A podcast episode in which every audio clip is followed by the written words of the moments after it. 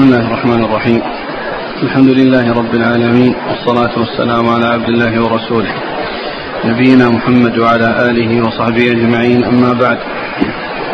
قال الإمام الحافظ أبو عيسى الترمذي رحمه الله تعالى قال في جامعه في كتاب المناقب في باب مناقب الحسن والحسين رضي الله عنهما قال حدثنا محمد بن يحيى قال حدثنا عبد الرزاق عن معمر عن الزهري عن أنس بن مالك رضي الله عنه أنه قال لم يكن منهم أحد أشبه برسول الله من الحسن بن علي. قال هذا حديث حسن صحيح.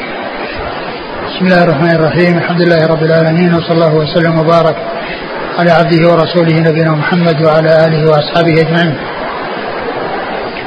أما بعد فقد سبق للترمذي رحمه الله أن الترمذي رحمه الله عقد مناقب الحسن والحسين وسبق أن مر في الدرس الماضي جملة من الأحاديث المتعلقة بفضلهما رضي الله تعالى عنهما وأرضاهما وبقي من مناقبهما بقية. أولها هذا الحديث عن أنس بن مالك رضي الله تعالى عنه أن أنه قال لم يكن أحد أشبه منهم برسول الله صلى الله عليه وسلم من الحسن بن علي رضي الله عنه. فمن مناقب الحسن أنه شبيه بالرسول صلى الله عليه وسلم. أنه شبيه بالرسول صلى الله عليه وسلم.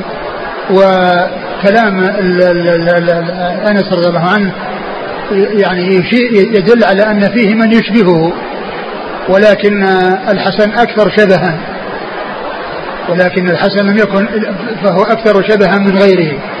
وإلا فإن في أهل بيته من يشبهه كما يعني آه كما جاء في بعض الأحاديث في قصة جعفر بن أبي طالب وكذلك فيما يتعلق بعبد الله بن جعفر.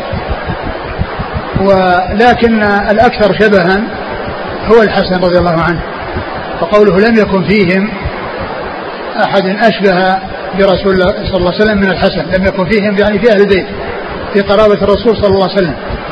أحد أشبه برسول الله صلى الله عليه وسلم من الحسن ابن علي رضي الله عنه فهو يشبهه وكثير الشبه به أي برسول الله صلوات الله وسلامه وبركاته عليه وهذا من مناقبه أن جعل الله خلقته وشبهه بالرسول صلى الله عليه وسلم. نعم. قال حدثنا محمد بن يحيى هو الدهلي وهو ثقة أخرجه البخاري وأصحاب السنن. عن عبد الرزاق. عبد الرزاق بن همام الصنعاني اليماني ثقة أخرجه أصحاب الكتب. عن معمر. معمر بن راشد الأزدي البصري ثم اليماني ثقة أخرجه أصحاب الكتب. عن الزهري. عن الزهري محمد بن مسلم بن عبيد الله بن شهاب ثقة أخرجه أصحاب الكتب. عن أنس بن عن أنس بن مالك رضي الله عنه خادم رسول الله صلى الله عليه وسلم وأحد السبعة المكثرين من حديثه. قال حدثنا محمد بن بشار قال حدثنا يحيى بن سعيد قال حدثنا إسماعيل بن أبي خالد عن أبي جحيفة رضي الله عنه قال رأيت رسول الله صلى الله عليه وعلى آله وسلم وكان الحسن بن علي رضي الله عنهما يشبهه قال هذا حديث حسن صحيح. قال وفي الباب عن أبي بكر الصديق وابن عباس وابن الزبير رضي الله عنهم أجمعين. ثم ذكر أبو عيسى حديث أبي جحيفة وهب بن عبد الله السوائي رضي الله عنه أنه قال رأيت النبي صلى الله عليه وسلم وكان الحسن بن علي رضي الله تعالى عنه يشبهه فقوله رأيت النبي صلى الله عليه وسلم هذا يخبر به التابعين الذين ما رأوا النبي صلى الله عليه وسلم. يخبر أنه رأى النبي صلى الله عليه وسلم وأراد أن يبين لهم هيئة الرسول صلى الله عليه وسلم بذكر من كان يشبهه وهو الحسن. فقال وكان يشبهه. يعني أن الحسن به شبه من رسول الله صلى الله عليه وسلم. وأنا رأيت النبي صلى الله عليه وسلم والصحابة رضي الله عنهم وأرضاهم هم الذين رأوا النبي عليه الصلاة والسلام. الذين رأوا الرسول عليه الصلاة والسلام هم أصحابه الكرام رضي الله عنهم وأرضاهم. هم الذين أكرمهم الله بصحبته ومتع ابصارهم في هذه الحياة الدنيا بالنظر إلى طلعته. صلوات الله وسلامه وبركاته عليه. فهم الذين جعلهم الله عز وجل أنصارا. وهم الذين رأوه. ولهذا أبو جحيفة رضي الله عنه يخبر بأنه رآه. وأن الحسن يشبهه. يعني أراد أن يبين كيفية وجه الرسول صلى الله عليه وسلم وصفة الرسول بذكر من يشبهه وهو الحسن ابن علي الذي يراه الناس الذي يراه التابعون الذين لم الذين لم يروا النبي صلى الله عليه وسلم لأن الذين أكرمهم الله برؤية الرسول عليه الصلاة والسلام هم الصحابة. وأما من بعدهم فلم فلم يروا النبي صلى الله عليه وسلم إلا من رآه في المنام. ورؤياه تكون مطابقة للهيئة التي هو عليها عليه الصلاة والسلام. مثل ما جاء عن ابن عباس رضي الله تعالى عنهما في شمائل الترمذي. جاء إليه رجل وقال إنني رأيت النبي صلى الله عليه وسلم في المنام. فقال له ابن عباس صفه لنا صف لنا هذا الذي رأيت. فوصفه. قال لو كنت رأيته كما رأيناه ما زدت على هذا الوصف شيئا. لو كنت رأيته كما رأيناه ما زدت على هذا الوصف يعني معناه أن وصفه مطابق بصفة الرسول صلى الله عليه وسلم. ومعنى ذلك أنها رؤيا حق لأن النبي صلى الله عليه وسلم لا يتمثل الشيطان به على هيئته وعلى صورته التي يعرفها يعرفها أصحابه رضي الله تعالى عنهم وأرضاهم. وعلى هذا فالصحابة هم الذين رأوا النبي صلى الله عليه وسلم وهم الذين يعرفون هيئته وهم الذين أكرمهم الله تعالى بالنظر إليه في هذه الحياة الدنيا مباشرة ويقظة. أكرمهم الله عز وجل بذلك. ولهذا آه، يعرف الصحابي بأنه من لقي النبي صلى الله عليه وسلم مؤمنا به. بعض الناس يعبر بالرؤية من رأى النبي صلى الله عليه وسلم مؤمنا به ولكن هذا التعريف آه، فيه خلل من جهة أن الأعمى لم يره بعينه. ولكنه من أصحابه حيث لقيه فعبروا بلقي من لقي النبي صلى الله عليه وسلم مؤمنا به ومات على الإسلام. ومن رآه من المبصرين من كان مبصرا فهو من أصحابه. ومن كان أعمى لم لا ليس له آه، حاسة البصر التي يرى بها فهو صحابي للقيه النبي صلى الله عليه وسلم واجتماعه بالرسول صلوات الله وسلامه وبركاته عليه. وعلى هذا فإن قول آه، أبي جحيفة رأيت النبي هذه رؤية لا تتعدى لمفعولين رأى تعدى لمفعول واحد. رأيت النبي صلى الله عليه وسلم يعني معناه أنني رأيت طلعته عليه الصلاة والسلام. ثم أراد أن يبين شبهه فقال الحسن يشبهه. وكان الحسن يشبهه. فإذا حديث أنس رضي الله عنه يقول إنه أشبه الناس برسول الله عليه الصلاة والسلام وأبو جحيفة يخبر بأنه رأى النبي صلى الله عليه وسلم وأن الذي يشبهه الحسن وأن من ينظر إليه إلى الحسن ينظر إلى هيئة الرسول صلى الله عليه وسلم. ينظر إلى صفة الرسول صلى الله عليه وسلم وإلى هيئته صلى الله عليه وسلم التي هي أقرب أقرب الهيئات إليه أو أقرب الشبه به. كما قال ذلك أنس بن مالك رضي الله عنه. نعم. قال حدثنا محمد بن بشار. محمد بن بشار ملقب بن دار ثقة أخرج أصحاب الكتب. عن يحيى بن سعيد. يحيى بن سعيد القطان ثقة أخرج أصحاب الكتب. عن إسماعيل بن أبي خالد. إسماعيل بن أبي خالد ثقة أخرج له أصحاب الكتب. عن أبي جحيفة. عن أبي جحيفة وهب بن عبد الله السوائي رضي الله تعالى عنه أخرج له أصحاب الكتب. وهذا الإسناد رباعي. من الأسانيد العالية عند الترمذي التي يكون فيها بين بين الترمذي وبين وبين آه، آه، آه، رسول الله صلى الله عليه وسلم أربعة أشخاص. لأنه الصحابي هو الذي يخبر بأنه رأى النبي وأن صفته كذا وكذا. ومن المعلوم أن صفة الرسول عليه الصلاة والسلام كما ذكرت من قبل هي من جملة حديث الرسول صلى الله عليه وسلم. لأن حديث الرسول عليه الصلاة والسلام يعرفه العلماء بأنه ما أضيف إلى النبي صلى الله عليه وسلم من قول أو فعل أو تقرير أو وصف خلقي أو خلقي. هذا هو حديث الرسول عليه الصلاة والسلام.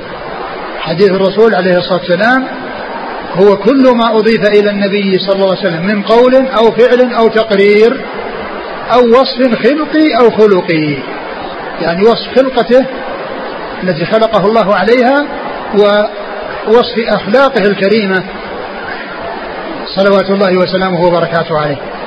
نعم. قال وفي الباب عن أبي بكر الصديق أبو بكر الصديق رضي الله عنه هو عبد الله بن عثمان. أبو بكر بن أبي قحافة عبد الله بن عثمان مشهور بكنيته ولقبه الصديق رضي الله عنه وأرضاه. وهو خليفة رسول الله عليه الصلاة والسلام وخير هذه الأمة التي هي خير الأمم. وحديثه عند أصحاب الكتب الستة. وحديثه في البخاري. وكان خرج يمشي هو علي رضي الله تعالى عنهما. فلقي الحسن يلعب مع الصبيان. فلقي الحسن يلعب مع الصبيان. فأخذه وحمله وقال بأبي شبيه بالنبي ليس شبيها بعلي. وعلي يضحك. بأبي يعني مفدي بأبي بأبي. بأبي شبيه بالنبي. ليس شبيها بعلي. هذا في صحيح البخاري وعلي يضحك. وأبو بكر رضي الله عنه يقول هذه المقالة.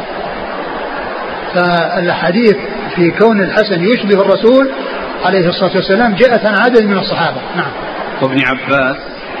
وابن عباس عبد الله بن عباس بن عبد المطلب أحد العبادلة وأحد المكثرين من حديث رسول الله صلى الله عليه وسلم. وابن الزبير؟ وابن الزبير عبد الله بن الزبير أحد العبادلة وأخرج حديثه أصحاب كتب الستة. قال حدثنا خلاد بن أسلم أبو بكر البغدادي. قال حدثنا النضر بن شوميل قال أخبرنا هشام بن حسان عن حفصة عن حفصة بنت سيرين. قالت حدثني أنس بن مالك رضي الله عنه. قال كنت عند ابن زياد فجيء برأس الحسين رضي الله عنه. فجعل يقول بقضيب له في أنفه ويقول ما رأيت مثل هذا حسنا قال قلت أما إنه كان من أشبههم برسول الله صلى الله عليه وسلم قال أبو عيسى هذا حديث حسن صحيح غريب وهذا حديث ابن عباس أيضا في بيان أن الحسن يشبه الرسول صلى الله عليه وسلم. أن الحسن يشبه الرسول عليه الصلاة والسلام لأنه مر حديث أنس وحديث أبي جحيفة والذي مر يعني الإشارة إلى حديث أبي بكر وهو في البخاري وإلى هذا الحديث عن ابن عباس الذي يقول إنه يشبه الرسول صلى الله عليه وسلم. وقيل إنه جيء برأس الحسين بعدما قتل رضي الله عنه وأرضاه إلى عبيد الله بن زياد وكان أمير الكوفة ليزيد بن معاوية. فجعل يعني يعني يلمسه بقضيب أو يعني فقال ما يعني ما أحسنه؟ ما رأيت مثل هذا حسنا. ما رأيت مثل هذا حسنا. فقال ابن عباس إيش؟ حديث أنس أنس. فقال أنس أما إنه كان من أشبههم برسول الله. فقال أنس أما إنه كان من أشبههم برسول الله صلى الله عليه وسلم. هو الحديث عن أنس ليس عن عباس. نعم. لأن هذا مثل الأول مثل الحديث الأول يعني ليس حديث ابن عباس وإنما هو حديث أنس فهو مثل الحديث الأول إنه كان من أشبههم برسول الله صلى الله عليه وسلم يعني من أشدهم أو أقواهم شبها برسول الله صلى الله عليه وسلم. والحديث الأول يقول ما رأيت أحدا أشبه منهم يعني من أهل البيت وأشبههم يعني أهل البيت. نعم. قال حدثنا خلاد بن أسلم خلاد بن أسلم هو؟ ثقة وله الترمذي والنسائي. نعم. عن النضر بن شميل. وهو ثقة أخرج أصحاب الكتب. عن هشام بن حسان. ثقة أخرج أصحاب الكتب. عن حفصة بنت سيرين. وهي ثقة أخرج لها أصحاب الكتب. عن أنس بن مالك. رضي الله عنه نعم.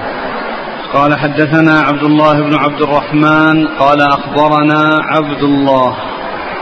عبيد الله بن موسى. قال أخبرنا عبيد الله بن موسى عن إسرائيل عن أبي إسحاق عن هانئ بن هانئ عن علي رضي الله عنه أنه قال الحسن أشبه برسول الله صلى الله عليه وسلم ما بين الصدر إلى الرأس والحسين أشبه بالنبي صلى الله عليه وسلم ما كان أسفل من ذلك. قال هذا حديث حسن صحيح غريب. ثم ورد ابو عيسى هذا الحديث عن علي رضي الله عنه. وفيه بيان أن الحسن يشبه الرسول صلى الله عليه وسلم من جهة أعلاه يعني صدره ووجهه ورأسه والحسين والحسين يشبهه من جهة أسفله يعني رجليه وقدميه وساقيه. ولكن الحديث في إسناده هانئ بن هانئ وفيه ضعف. هانئ بن هانئ وفيه ضعف. وقضية آه، شبه الحسن بالرسول صلى الله عليه وسلم من جهة آه، أنه يشبهه وأن آه، أن من نظر إلى الرسول صلى الله عليه وسلم يعني يرى أن الحسن يشبهه. فهذا جاء في الأحاديث التي مرت وهي عديدة. وأما ما جاء فيما يتعلق بالحسين وأنه يشبهه فيما يتعلق برجليه وساقيه وما كان أسفل ما كان أسفله صلى الله عليه وسلم فإن هذا فيه هانئ بن هانئ وفيه ضعف. نعم. قال حدثنا عبد الله بن عبد الرحمن. هو الدارمي وهو ثقة أخرجه مسلم والترمذي والنسائي وابن ماجه. مسلم وأبو داود والترمذي. نعم مسلم وأبو داود والترمذي نعم. عن عبيد الله بن موسى. وهو ثقة أخرج أصحاب الكتب. عن إسرائيل. وهو ثقة أخرج أصحاب الكتب. عن أبي إسحاق. عن أبي إسحاق وهو عمرو بن عبد الله الهمداني السبيعي ثقة أخرج أصحاب الكتب. عن هانئ بن هانئ وهو مستور. مستور يعني مجهول الحال. لأن كلمة مجهول الحال ومستور يعني بمعنى واحد نعم. قد له البخاري في الأدب المفرد وأصحاب السنن. نعم. عن علي. عن علي بن أبي طالب رضي الله عنه أمير المؤمنين. ورابع الخلفاء الراشدين الهادين المهديين صاحب المناقب الجمة والفضائل الكثيرة وحديثه عند أصحاب الكتب الستة. قال حدثنا واصل بن عبد الأعلى قال حدثنا أبو معاوية عن الأعمش عن عمارة بن عمير قال لما جيء برأس عبيد الله بن زياد وأصحابه نضدت في المسجد في الرحبة فانتهيت إليهم وهم يقولون قد جاءت قد جاءت. فإذا حية قد جاءت تخلل الرؤوس. حتى دخلت في منخري عبد عبيد الله بن زياد فمكثت هنيهة. ثم خرجت فذهبت حتى تغيبت. ثم قالوا قد جاءت قد جاءت.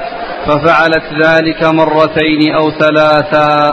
قال هذا حديث حسن صحيح. ثم ذكر هذا الحديث وهو لا يتعلق بمناقب الحسين رضي الله بالحسن رضي الله عنه. مناقب الحسن بمناقب الحسين رضي الله عنه. ولا الحسن وإنما أتى به لأنه مر في الحديث السابق أنه أتي برأسه برأس الحسين وجعل يلمسه وينظر إليه فعاقبه الله عز وجل بأن قتل وجيء برأسه وكذلك أصحابه. وجعلوا في مكان في رحبة المسجد فكان الناس متجمعين فكان يقولون جاءت جاءت وإذا حية يعني دقيقة تأتي من بين الرؤوس المنضودة المتصل بعضها ببعض حتى تصل إلى رأس عبيد الله بن زياد فتدخل في أنفه ثم تذهب وتعود وتتجاوز الرؤوس حتى تأتي إلى أنفه وتدخل في منخره. فيعني ذكر هذا بأن بأن بأن أن عبيد الله جوزي بأن عوقب وأن حصل له أن قتل وأتي برأسه وحصل أن هذه الحية تدخل في أنفه وتتجاوز رؤوس أصحابه الذين قتلوا معه وجمعت رؤوسهم في مكان واحد فتأتي تلك الحية وتدخل في منخره وتخرج يعني مرتين أو ثلاثا. فهذا يعني ذكر في هذا الباب لأن الذي آه لأنه جوزي بأن آه قتل وأتي برأسه وقيل إن جثته وجثة أصحابه أحرقت وإنما أبقي الرأس وأتي به. فحصل أن دخلت فيه هذه الحية من بين تلك الرؤوس التي آآ آآ يعني حصل أنها قتلت معه وأتي بها. نعم. ما ذكره الشارع عن العين يصح؟ وشو؟ القصة أن ثم أرسلت إلى مكة ونصبت ما أدري يا صاحبي الله أعلم ما ندري قال حدثنا واصل بن عبد الأعلى ثقة أخرج أصحاب الكتب. إلا البخاري. نعم. عن أبي معاوية. عن؟ أبي معاوية. أبي معاوية محمد بن خازم الضرير الكوفي. ثقة أخرج أصحاب الكتب. عن الأعمش. الأعمش سليمان بن مهران الكاهلي ثقة أخرج أصحاب الكتب. عن عمارة بن عمير. وهو؟ ثقة أخرج أصحاب الكتب. نعم. يعني فالإسناد صحيح. يعني إسناد هذه القصة وهذه الحكاية صحيح. نعم. قال حدثنا عبد الله بن عبد الرحمن وإسحاق بن منصور قال أخبرنا محمد بن يوسف عن إسرائيل عن ميسرة بن حبيب عن المنهال بن عمرو عن زر بن حبيش عن حذيفة رضي الله عنه أنه قال سألتني أمي متى عهدك؟ تعني بالنبي صلى الله عليه وسلم فقلت ما لي به عهد منذ كذا وكذا. فنالت مني. فقلت لها دعيني آتي النبي صلى الله عليه وسلم فأصلي معه المغرب وأسأله أن يستغفر لي ولك. فأتيت النبي صلى الله عليه وعلى آله وسلم فصليت معه المغرب فصلى حتى صلى العشاء ثم انفتل فتبعته. فسمع صوتي فقال من هذا؟ حذيفة؟ قلت نعم. قال ما حاجتك؟ غفر الله لك ولأمك. قال إن هذا ملك لم ينزل الأرض قط قبل هذه الليلة. استأذن ربه أن يسلم علي ويبشرني بأن فاطمة سيدة نساء أهل الجنة وأن الحسن والحسين سيدا شباب أهل الجنة. قال هذا حديث حسن غريب من هذا الوجه. لا نعرفه إلا من حديث إسرائيل. ثم ذكر أبو عيسى هذا الحديث عن حذيفة بن اليمان رضي الله عنه وقد سألته أمه متى عهدك بالرسول صلى الله عليه وسلم؟ يعني متى لقيته؟ ما هي آخر مرة لقيته؟ فقال ما لقيته منذ كذا وكذا. يعني ذكر أيام يعني يوم ويومين كذا وكذا هذا مبهم. لأنه ما سمي سميت المدة فأبهمت المدة. يعني أنه يومين أو ثلاثة أو كذا فأبهم المدة ولا أدري كم مقدارها لكن يعني إجابته لأمه بأنه له كذا وكذا يعني من الأيام ما لقيه. فنالت منه غضبت عليه. كونه لا يلتقي بالرسول صلى الله عليه وسلم ويتلقى حديثه ويستمع منه. وقد كان أصحاب رسول الله عليه الصلاة والسلام يتناوبون رعاية الإبل من أجل أن يظفروا بلقيه عليه الصلاة والسلام وسماع الحديث منه عليه الصلاة والسلام فكانوا يتناوبون رعاية الإبل. يعني آه، كما جاء في حديث عقبة بن عامر الجهني رضي الله عنه قال كنا نتناوب رعاية الإبل. إذا كان واحد عنده خمس واحد عنده عشر واحد عنده ثلاث واحد عنده ثنتين ليس كل يسرح بإبله التي تخصه وإنما يجمعونها ثم كل واحد يسرح بها يوم. وبقية والذين ليس عندهم سرح يبقون عند الرسول صلى الله عليه وسلم يستمعون لحديثه ويتلقون الحديث منه. ف فيلامته لكونه لا يكثر الاتصال بالرسول عليه الصلاة والسلام أو أنه مضى مدة ما التقى بالرسول عليه الصلاة والسلام وسمع حديثه وتلقى منه السنة تلقى منه الحق والهدى الذي جاء به صلى الله عليه وسلم. فقال دعيني أذهب إليه وأطلب منه أن يستغفر لي ولك أن يستغفر لي ولك. فذهب وصلى معه المغرب. ولما صلى المغرب الرسول صلى الله عليه وسلم قام يصلي حتى جاء العشاء. وهذا يدل على جواز الصلاة بعد المغرب إلى العشاء وأن كون الإنسان يستغرق هذه المدة بالصلاة لأنها ثبتت عن الرسول صلى الله عليه وسلم في هذا الحديث وفي غيره. ثبتت عن رسول الله عليه الصلاة والسلام في هذا الحديث وفي غيره. وقد جاء في بعض الأحاديث التي سبق أن مرت بنا عند الترمذي أن هذا مما جاء في تفسير قول الله عز وجل تتجافى جنوبهم عن المضاجع. وأن ذلك مما يكون يدخل بين صلاة المغرب والعشاء كما سبق أن مر في كتاب التفسير. الحاصل أن الحديث يدل على يعني آه، آه، آه، مشروعية الصلاة يعني بعد المغرب يعني في بعض الأحيان يعني من المغرب إلى العشاء لأن الرسول صلى الله, صلى الله عليه وسلم فعل ذلك في هذا الحديث الصحيح. ثم إنه لما صلى العشاء انصرف إلى بيته فلحقه. فلحقه. قال إيش؟ فلحقه. قال ثم انفتل فتبعته فسمع صوتي فقال من هذا حذيفة؟ قلت نعم. قال ما حاجتك؟ غفر الله لك ولأمك. ثم انفتل يعني انصرف إلى بيته فتبعه وقال إن قال ما حذيفة يعني سمع صوت مشيه أو حركة قدميه في الأرض. فقال من هذا حذيفة؟ يعني يعني ما حاجتك؟ قال ما غفر الله لك ولأمك ما حاجتك؟ قال إيش ما حاجتك؟ نعم. ثم قال إن هذا ملك ثم قال إن هذا ملك. يعني أن ملكا نزل وأخبر الرسول صلى الله عليه وسلم بأن فاطمة رضي الله عنها سيدة نساء الجنة وأن الحسن والحسين سيدا شباب أهل الجنة. وأن الحسن والحسين سيدا شباب أهل الجنة وهذا في مناقب الحسن والحسين لأنه ورد في مناقب الحسن والحسين وفيه أيضا منقبة فاطمة رضي الله عنها وأنها سيدة نساء أهل الجنة رضي الله تعالى عنها وأرضاها. نعم. قال حدثنا عبد الله بن عبد الرحمن وإسحاق بن منصور. إسحاق بن منصور الكوسج ثقة أخرج أصحاب كتب الله أبا داود. عن محمد بن يوسف. وهو الفريابي ثقة أخرج أصحاب الكتب عن إسرائيل عن ميسرة بن حبيب. وهو؟ صدوق قال البخاري في المفرد وأبو داود والترمذي والنسائي. نعم. عن عن المنهال بن عمرو. وهو صدوق أخرجه البخاري وأصحاب السنن عن زر بن حبيش. وهو ثقة مخضرم أخرج حديثه أصحاب الكتب الستة. عن حذيفة. عن حذيفة بن اليمان رضي الله عنهما أخرج حديثه أصحاب الكتب الستة. قال حدثنا محمود بن غيلان. قال حدثنا أبو أسامة عن فضيل بن مرزوق عن عدي بن ثابت عن البراء رضي الله عنه أن النبي صلى الله عليه وعلى آله وسلم أبصر حسنا وحسينا رضي الله عنهما.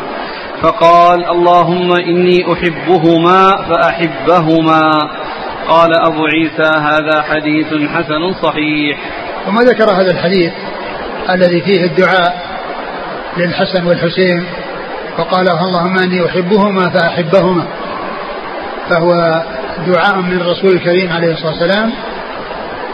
ربه أن يحب الحسن والحسين وأنه يحب هو عليه الصلاة والسلام الحسن والحسين. اللهم إني أحبهما فأحبهما.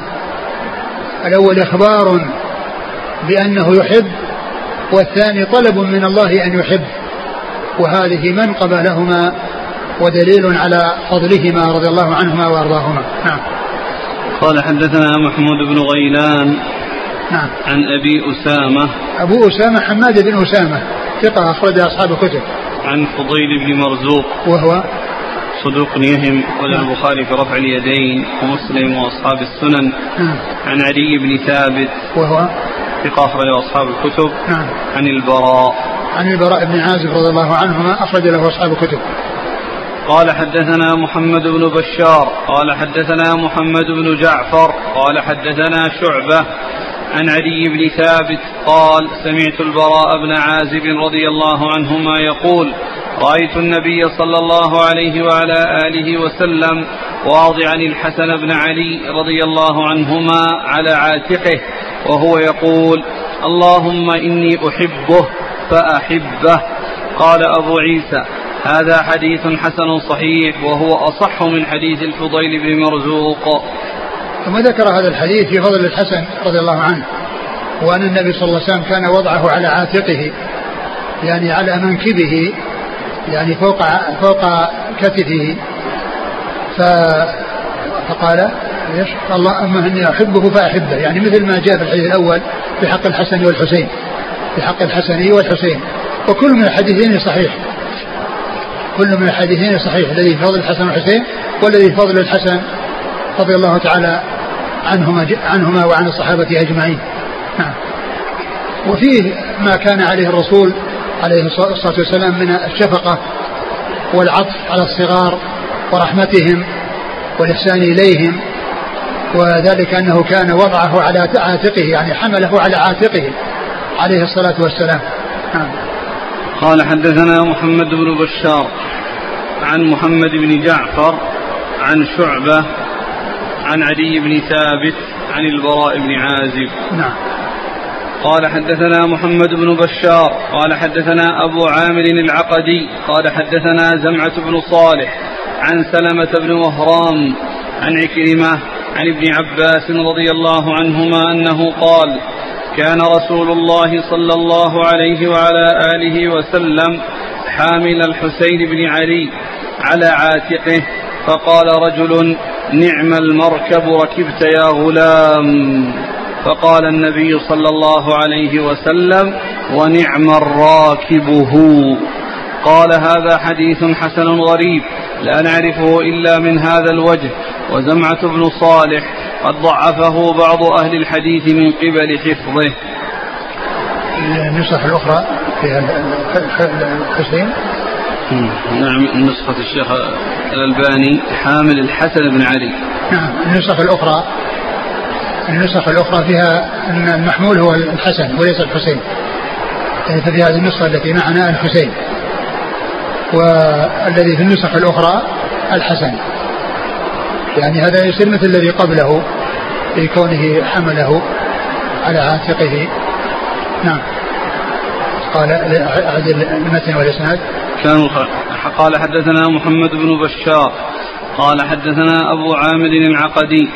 قال حدثنا زمعة بن صالح عن سلمة بن وهرام عن عكرمة عن ابن عباس رضي الله عنهما قال كان رسول الله صلى الله عليه وعلى آله وسلم حامل الحسن بن علي رضي الله عنهما على عاتقه فقال رجل نعم المركب ركبت يا غلام.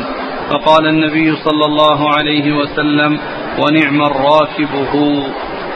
وهذا مثل الذي قبله يعني كان الرسول حامله على عاتقه. فقال رجل نعم المركب ركبته يا غلام. يعني كونه على عاتق الرسول صلى الله عليه وسلم. فقال عليه الصلاة والسلام ونعم الراكب هو. يعني نعم الراكب والمركوب ونعم المركب نعم المركب ونعم الراكب. فال آه، والحديث في اسناده زمعة بن صالح وهو ضعيف. لكن قضية الحمل وأنه كان حاملا الحسن ثبت في الحديث السابق قبل هذا. نعم. قال حدثنا محمد بن بشار عن أبي عامر العقدي. أبو عامر العقدي هو ثقة أخرج أصحاب الكتب. نعم. عن زمعة بن صالح. وهو ضعيف أخرج له. مسلم وأبو داود في المراسيل والترمذي والنسائي وابن ماجه. نعم. عن سلمة بن وهرام. وهو صدوق وجل الترمذي وابن ماجه. نعم. عن عكرمة. مولى بن عباس ثقة أخرج أصحاب الكتب. قال حدثنا ابن أبي عمر قال حدثنا سفيان عن كثير البواء. النواء النواء. عن كثير النواء عن أبي إدريس عن المسيب بن نجي. نجبة. عن المسيب بن نجبة قال قال علي بن أبي طالب رضي الله عنه قال النبي صلى الله عليه وعلى آله وسلم إن كل نبي أعطي سبعة نجباء أو نقباء وأعطيت أنا أربعة عشر. أن كل نبي. إن كل نبي أعطي سبعة نجباء نعم. أو نقباء نقباء بالنون؟ نعم. لا هي أو رقباء أو رقباء أو رفقة أول أو رفقة آه، آه، آه، سبعة نجباء رفقاء أو رقباء ثلاثة. ثلاثة. والثانية الثانية بالشك. الثاني والثالث الثاني والثالث بالشك. وليس فيها يعني نقبة بالنون. يعني وإنما النسخ الأخرى يعني فيها نجباء هذه الأول. وبعدها وصف ثاني وهو رفقاء بالراء والفاء والقاف. ثم أو أو أو رقباء. شك هل قال رفقاء أو أو أو أو رقباء. يعني هل قال هذا أو هذا. الأول آه، نجبا والشك والشك في الكلمتين الثانيتين. رفقاء أو آه، رفقاء أو رقباء. نعم. وهذا هو وهذا هو الموجود يعني في في النسخ الأخرى وفي تحت الأشراف، تحت الأشراف أتى بس رقبه الكلمة الثانية ما أتى بالثالثة التي هي الشك وإنما أتى بنجباء آه، رفقاء. يعني مثل ما هو موجود في النسخ الأخرى ووقف عند الطرف. لأنه ما لأن طريقته يأتي بالطرف الأول. يأتي بطرف الحديث في أوله. لأن تحت الأشراف بمعرفة الأطراف. يعني يذكر طرف الحديث الأول ثم يذكر إسناده. فما كمل يعني في التحفة ذكر بقية الوصف الثالث وإنما أتى بالوصف الأول والثاني. ولم يأتي بالثاني الذي فيه الشك. الثالث الذي فيه الشك. نعم. إن, إن أيوة إن كل نبي أعطي سبعة نجبا رفقا أو رقبا وأعطيت أنا أربعة عشر. قلنا من هم؟ قال أنا وابناي وجعفر وحمزة وأبو بكر وعمر. ومصعب بن عمير وبلال وسلمان والمقداد وأبو ذر وعمار وعبد الله بن مسعود. قال أبو عيسى هذا حديث حسن غريب من هذا الوجه وقد روي هذا الحديث عن علي موقوفا. يعني جاء الحديث يعني مرفوعا وموقوفا عن علي رضي الله عنه وهنا ذكره مرفوعا في الأول وقال أن كل نبي أعطي سبعة آه، نجباء آه، رفقاء أو رقباء وإنني أعطيته أربعة عشر. يعني ضعف له العدد. كل نبي عنده سبعة. وهو أعطي أربعة عشر. فسئل عنهم فقال أنا. فقال أنا المقصود علي رضي الله عنه يعني هو الذي يحدث بالحديث. هو الذي يخبر أنا يعني علي. ليس هذا يعني كلام الرسول يعني أن يرجع للرسول عليه الصلاة والسلام وإنما يرجع لعلي لأن الأربعة عشر هم هم هم, هم رفقاء ونجبا لا يدخل فيهم الرسول عليه الصلاة والسلام وإنما هم للرسول عليه الصلاة والسلام. فكلمة أنا هذه المقصود بها علي رضي الله عنه. نعم أنا. وابناي. أبناي الحسن والحسين. وجعفر. وجعفر اللي هو أخوه جعفر بن أبي طالب. وحمزة وحمزة عمه وأبو بكر وعمر وأبو بكر وعمر رضي الله تعالى عنهما ومصعب بن عمير ومصعب بن عمير وكل هؤلاء صحابة وكل هؤلاء صحابة. وذكر أبي بكر وعمر في الوسط يعني ليس المقصود بذلك الترتيب في الفضل وإنما هي لمطلق الجمع الواو الواو كما هو معلوم تأتي لمطلق الجمع.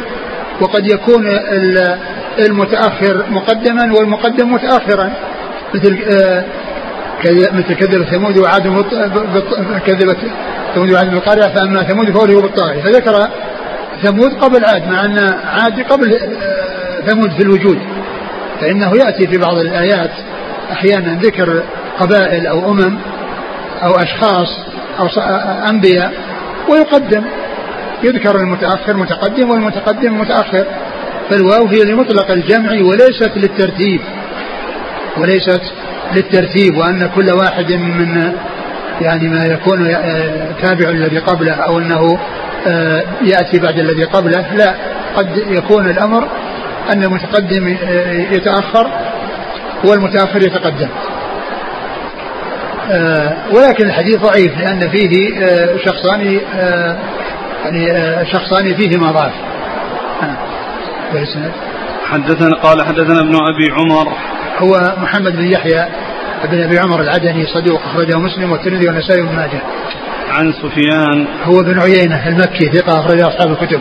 عن كثير النواء وهو ضعيف أخرج له الترمذي. نعم.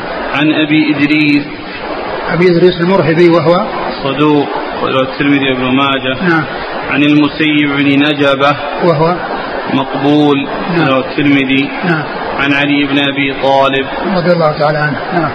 انتهت الأحاديث نعم. في الباب. في مناقب أهل بيت النبي صلى الله عليه وسلم.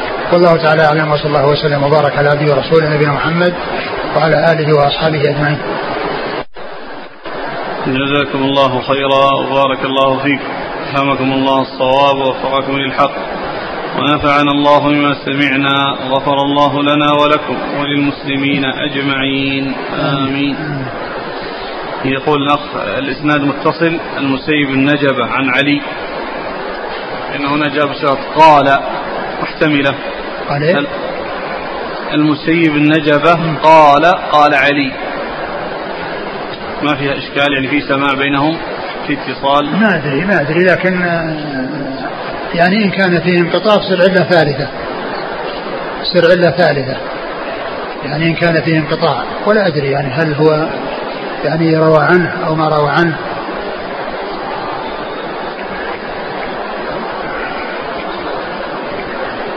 قال علي قال إيش؟ قال قال, قال علي بن أبي طالب. قال كمل. قال قال علي بن ابي طالب قال رسول الله صلى الله عليه وسلم نعم. إن كل نبي نعم اعطي نعم. سبعة نجباء أقول لا أدري هل فيه انقطاع أو لا لكن سواء وجد اتصال لو كان الاتصال موجودا فإن الإسناد غير صحيح لوجود كثير النوى وهو ضعيف وهذا الذي هو آه، آآ آه، ابن نجبة وهو مقبول يعني لا يحتج به إلا عند المتابعة نعم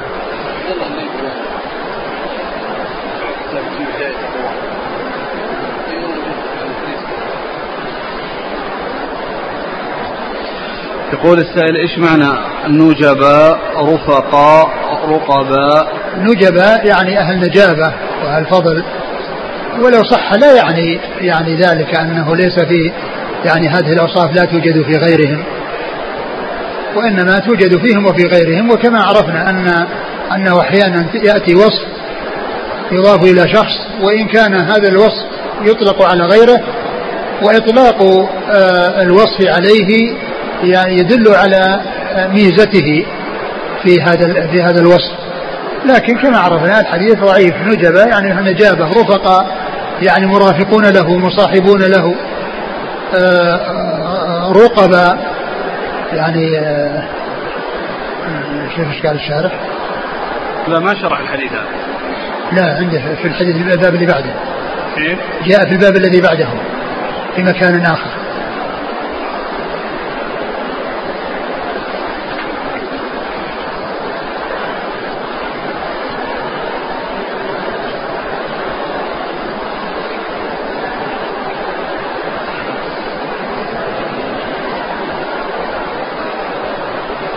النجباء قال النجيب في النهاية الفاضل من كل حيوان.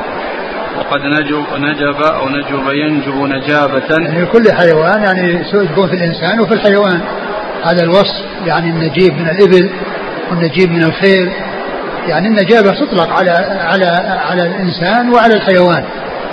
يعني هو الماء الفاضل المتميز من من جنسه ونوعه. نعم.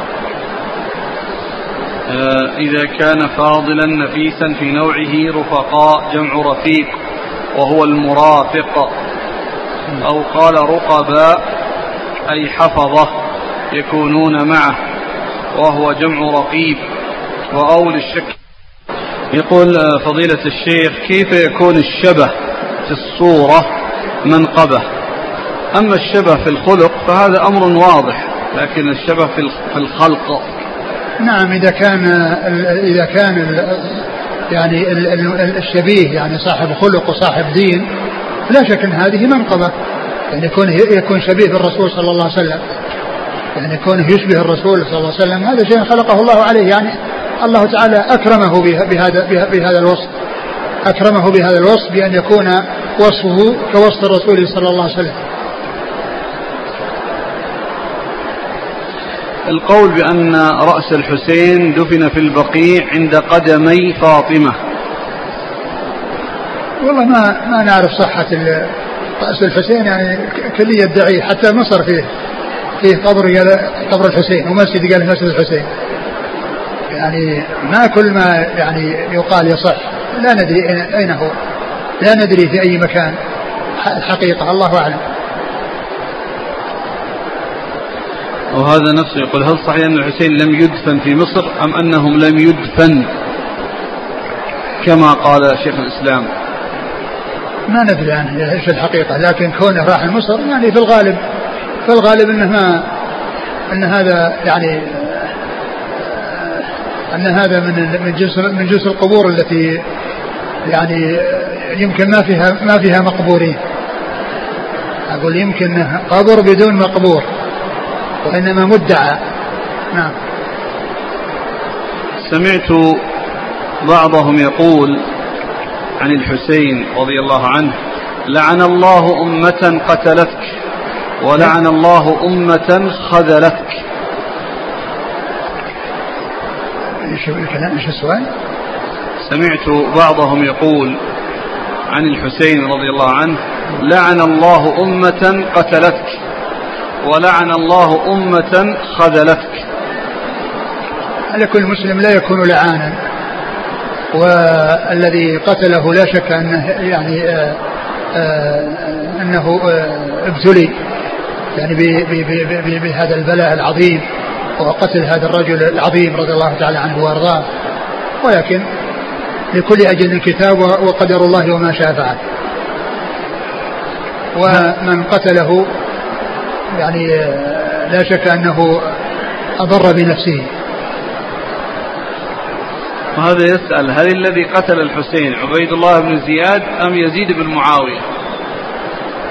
كلهم ما تول... كلهم ما باشر قتله وإنما قتله غير هذا وهذا.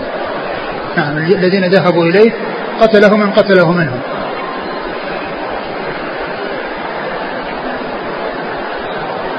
هل أخطأ الحسين رضي الله عنه في الخروج للعراق؟ لا سيما وأن بعض الذين يؤلبون على ولاة الأمر يستدلون بفعله رضي الله عنه. آه، الحسين رضي الله عنه وأرضاه اجتهد ورأى ما رأى وقد أشير عليه بأن لا يفعل. ولكن الذين يعني آه، وعدوه وأخلفوا ما وعدوا به ذهب وحصل ما حصل رضي الله عنه وأرضاه.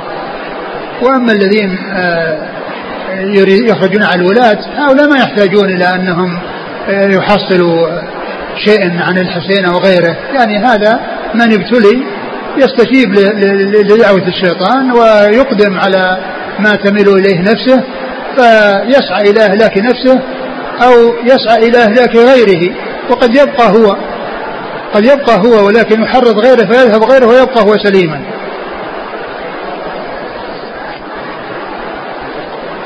يقول ما رأي أهل السنة في ابن زياد؟ من من الولاة الظلمة.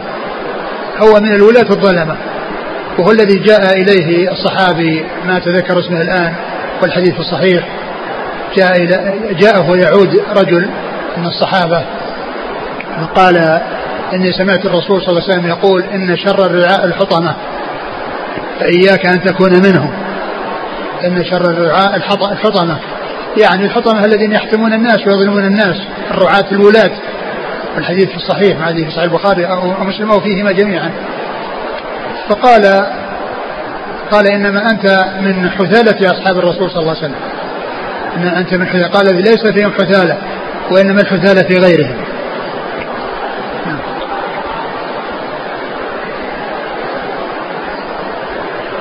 وهذا يقول ما حكم سبه؟ سب ابن زياد ولعنه. اللعن لا يلعن. لا يلعن أحد الإنسان لا يعود نفسه اللعن.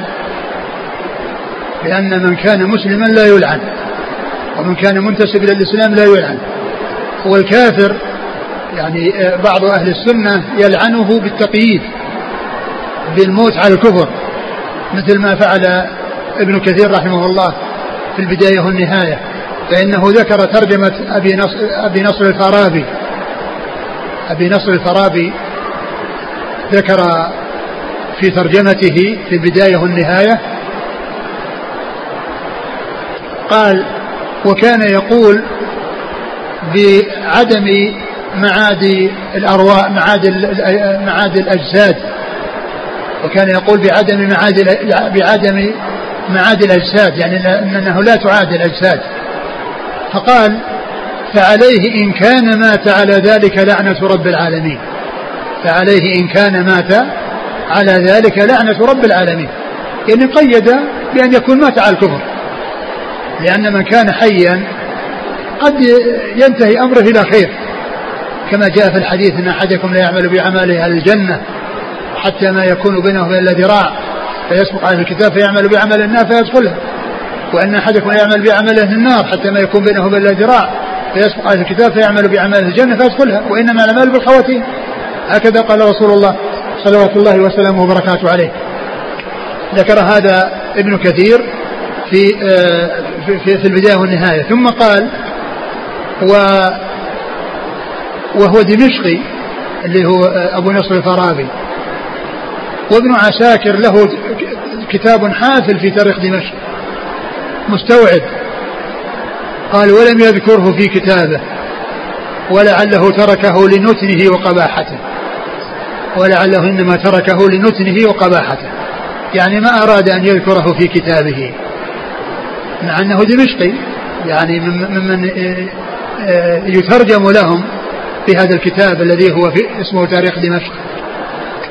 ثم أيضا ابن كثير رحمه الله ذكر في البداية والنهاية أن أحد واحد من من الروم من الكفار نصراني. أنشأ قصيدة طويلة يسب فيها الرسول صلى الله عليه وسلم ويسب الإسلام وأهل الإسلام. فذكرها ابن كثير في تاريخ في البداية والنهاية ساقها بتمامها ثم قال فعليه لعنة الله والملائكة والناس أجمعين إن كان مات كافرا. فعليه لعنة الله والملائكة والناس أجمعين إن كان مات كافرا. ثم ذكر قصيدة طويلة لابن حزم يرد عليه. رد على هذا النصراني. ذكر القصيدة الأولى ثم ذكر القصيدة التي هي في الرد على قصيدة النصراني لابن حزم. الحاصل أن الإنسان لا يعود نفسه سب الأشخاص السب يكون بالعموم. لعنة الله على الكاذبين لعنة الله على الكافرين لعنة الله لعن الله ال ال ال ال لعن الله النامصة لعن الله المشبهين الرجال بالوصف لا بالتعيين. لا بالتعيين. نعم. يعني لو قيل مثلا لعن الله من قتل الحسين. يعني هو تعيين لشخص لأن لأن الذي قتله يعني شخص. لأن هذا يزعم يقول أن ابن كثير لعن من قتل الحسين في البداية والنهاية. يعني ما آه ثم الأسئلة عن يزيد بن معاوية. ما القول الصواب فيه؟ هل هو الذي أرسل لقتل الحسين؟ أم أن هذا من اجتهاد عبيد الله؟ هو لا شك أن أن أن, أن الجيش ما هو رايح يعني يأتي إلا بإرسال منه لكن هل أمر بالقتل وأمر بقتله ما ما في شيء يدل على أنه أمر بقتله. وأما يزيد بن معاوية فهو يعني مشهور بأن عنده يعني شيء من الأمور اللي فيها مخالفات. لكن بعض أهل العلم يعني لا يتكلم فيه ويقول إنه في الجيش الذي غزا القسطنطينية والرسول صلى الله عليه وسلم قال أول جيش يغزو القسطنطينية مغفور له. ورئيس وكان أمير الجيش يزيد بن معاوية. وكان أمير الجيش الذي قال فيه الرسول صلى الله عليه وسلم هذه المقالة يزيد بن معاوية. فبعض العلم لا يتكلم فيه يعني بكلام يعني آه يعني سب أو شتم أو ما إلى ذلك ويقول إنه من الجيش الذي غزا القسطنطينية بل هو أمير الجيش. وقد قال صلى الله عليه وسلم أول جيش يغزو القسطنطينية مغفور له.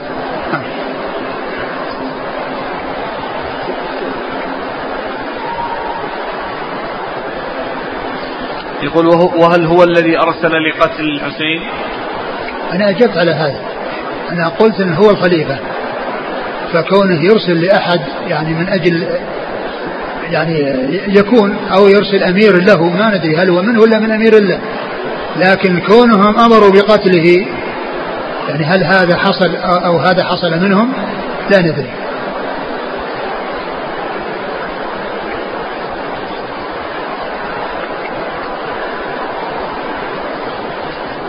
في حديث أنس أول ما قرأنا لم يكن منهم أحد أشبه برسول الله صلى الله عليه وسلم من الحسن بن علي. ثم في حديثه الآخر كنت عند ابن زياد فجيء برأس الحسين فقال أما إنه كان من أشبههم برسول الله صلى الله عليه وسلم. فصار مرة مرة نعم أشبههم مرة من أشبههم. لكن الحسن والحسين الأول حسن. لم يكن في الحديث الأول نعم. لم يكن منهم أحد أشبه برسول الله من الحسن بن علي الحديث اللي بعد لما جيء برأس الحسين نعم. وجعل ابن زياد يقول بقضيب الله في أنفه نعم. قال أما إنه كان من أشبههم برسول الله نعم يعني فيه أنه من أشبههم يعني إذا قال أشبههم ونقل من أشبههم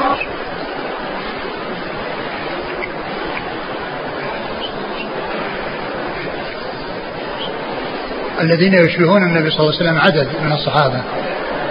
منهم الحسن كما في الحديث الأول ومنهم الحسين كما في الحديث الأخير ومنهم جعفر بن أبي طالب كما سبق أن مر بنا في مناقبه وأن النبي صلى الله عليه وسلم قال له أشبهت خلقي وخلقي. قال له أشبهت خلقي وخلقي في قصة اختصامه وعلي هو علي وزيد بن حارثة في ابنة حمزة. حيث قال لا النبي صلى الله عليه وسلم لعلي أنت مني وأنا منك. وقال لجعفر بن أبي طالب أشبهت خلقي وخلقي. نعم ف يعني فهؤلاء ممن يشبه النبي صلى الله عليه وسلم. يقول الأحاديث تدل على أن الحسن أفضل من الحسين. هل هذا صحيح؟ ما يعني ما أستطيع أن أقول أن أن الحسن أفضل من الحسين لأن كثيرا من الأحاديث التي جاءت فيها ذكر الحسن والحسين والشيء الذي جاء في حق الحسن على حدة هو كونه أشبه وأيضا جاء في الحسين أنه من أشبه وأيضا جاء مسألة الركوب يعني قضية الركوب هذه لا تدل على تفضيله على غيره وكونه يعني انفرد بكون كان على المنبر.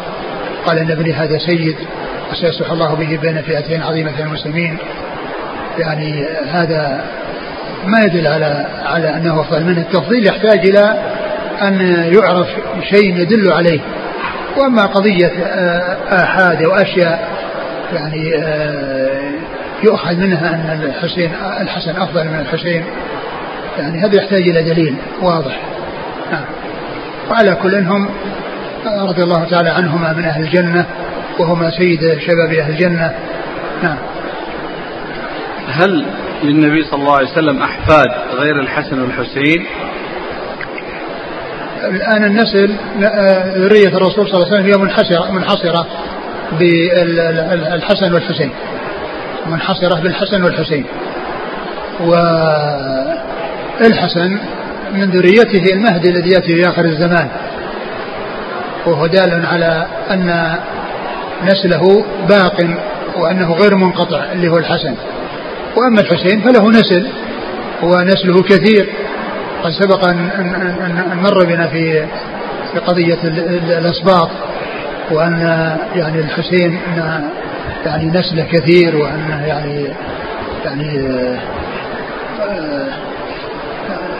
ولكن آه، كل منهما له نسل وذرية الرسول صلى الله عليه وسلم محصورة فيهما لأنه ما جاء يعني ما ما بقي أحد يعني ممن ينتسب إلى إلى إلى الرسول صلى الله عليه وسلم بالأبوة إلا ما كان من طريق الحسن والحسين. هل ينطبق تعريف التابعي على تعريف الصحابي بحيث يقال إن التابعي هو من لقي الصحابي أو من رآه وهل يشترط في التابع أن يلزم الصحابي حتى يطلق عليه هذا الاسم؟ معلوم الرؤية ليست بلازمة لأن من لقي من لقي الصحابي فقد فهو تابعي ما هو لازم أن يكون لأن العميان الذين رأوا الصحابة لا يقال لا يقال أنهم ليسوا بتابعين لأنهم ليس لهم أعين يبصرون بها. فالكلام الذي يقال في الصحابة من حيث اللقي يقال في التابعين أيضا. يقول آه، ما حكم بيع السلع المقلدة لشركات أو ماركات معروفة مع التبيين للمشتري بأنها مقلدة وتباع بقيمة أقل؟ لكن ملاك الماركات العالمية لا يرضون بهذا التقليد.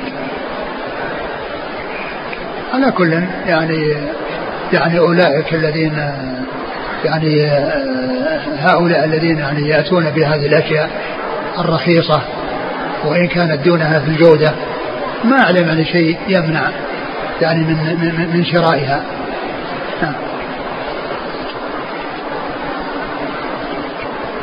يقول فضيلة الشيخ لي أخ يسب أبي سبا فاحشا شنيعا ظنا أن أبي لم يعدل في قضية بينه وبين أخ آخر وهو منه بريء. فكم من ناصح نصحه لكن دون جدوى وهو ما زال كذلك مع أنه متعلم. وأبي شيخ كبير عالم له الآلاف من التلاميذ. الواجب على الوالد على الولد أن يكون برا بأبيه وأن يحسن إلى أبيه. وإذا حصل أن والده حصل منه شيء لا ينبغي فلا يجوز له أن يحصل منه السب والشتم والعقوق له وإنما يتكلم معه برفق ويطلب منه أن يعدل برفق ويبين له أن العدل أنه خير له وأنه يعود عليه بالخير وأن الجور فيه مضرة. وأما إذا كان عدم العدل مبني إلى أن الذي أعطاه من إخوانه لحاجته أو لفقره أو ما إلى ذلك من الأسباب التي يجوز الإنسان أن يخص بعض أولاده بسبب من الأسباب الصحيحة المعتبرة شرعا. فإذا كان الأمر كذلك يبين له أو يبين له والحاصل أن هذا الذي حصل من هذا الشخص هو يجني على نفسه ولا يجني على والده. هو جان على نفسه.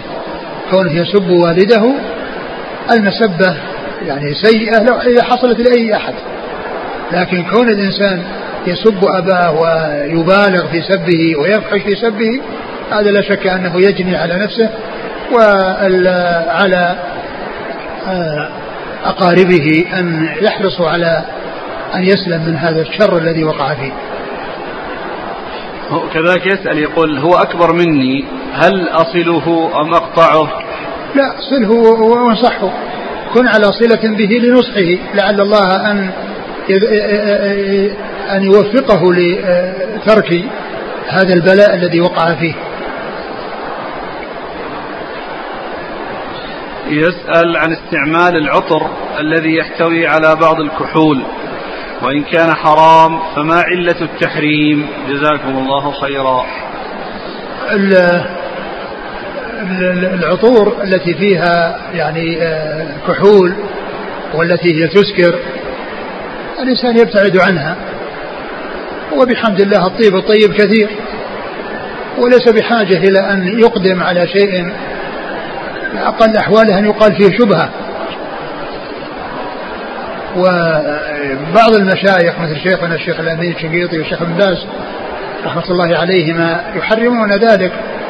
و ويقولون إنه من جنس الخمر والخمر لا يحتفظ بها الشيء اللي يسكر لا يحتفظ به وإنما يراق ويتلف.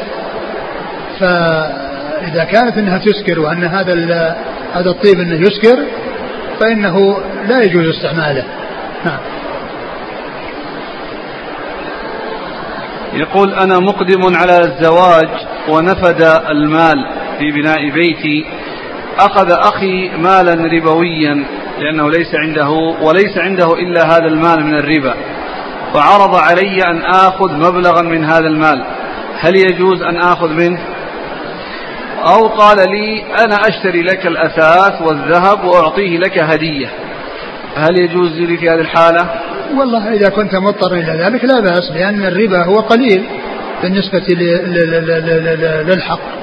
ولل يعني الشيء الذي هو يعني الأصل الذي هو سليم وإنما الزيادة هي الربا وهي المحرمة. فإذا كنت مضطرا إلى ذلك فخذ. وينبغي لك أنك تنصح أخاك بأن يبتعد وإن كنت تقدر وتصبر إلى أن ييسر الله لك فهذا أسلم لك وأولى لك. يقول هل المولد النبوي وحجاب المرأة وحجاب وجه المرأة من المسائل الخلافية الاجتهادية بين العلماء. المولد النبوي هو من الأشياء التي أحدثت في القرن الرابع. والقرون المفضلة التي هي الأول والثاني والثالث لا وجود للموالد فيها لا مولد النبي صلى الله عليه وسلم ولا مولد غيره. وإنما أحدثت الموالد في القرن الرابع وأحدثها العبيديون الذين حكموا مصر. هم أول من أحدثها. فهو شيء أحدث في الدين وداخل تحت قوله من أحدث من أمرنا ما ليس منه ورد وأما فيما يتعلق بالحجاب وهل هو محل خلاف وما محل خلاف نعم من العلماء قال هذا لكن الأدلة واضحة. واضحة الدلالة على أن على أن المرأة تحتجب وأنها لا تكشف وجهها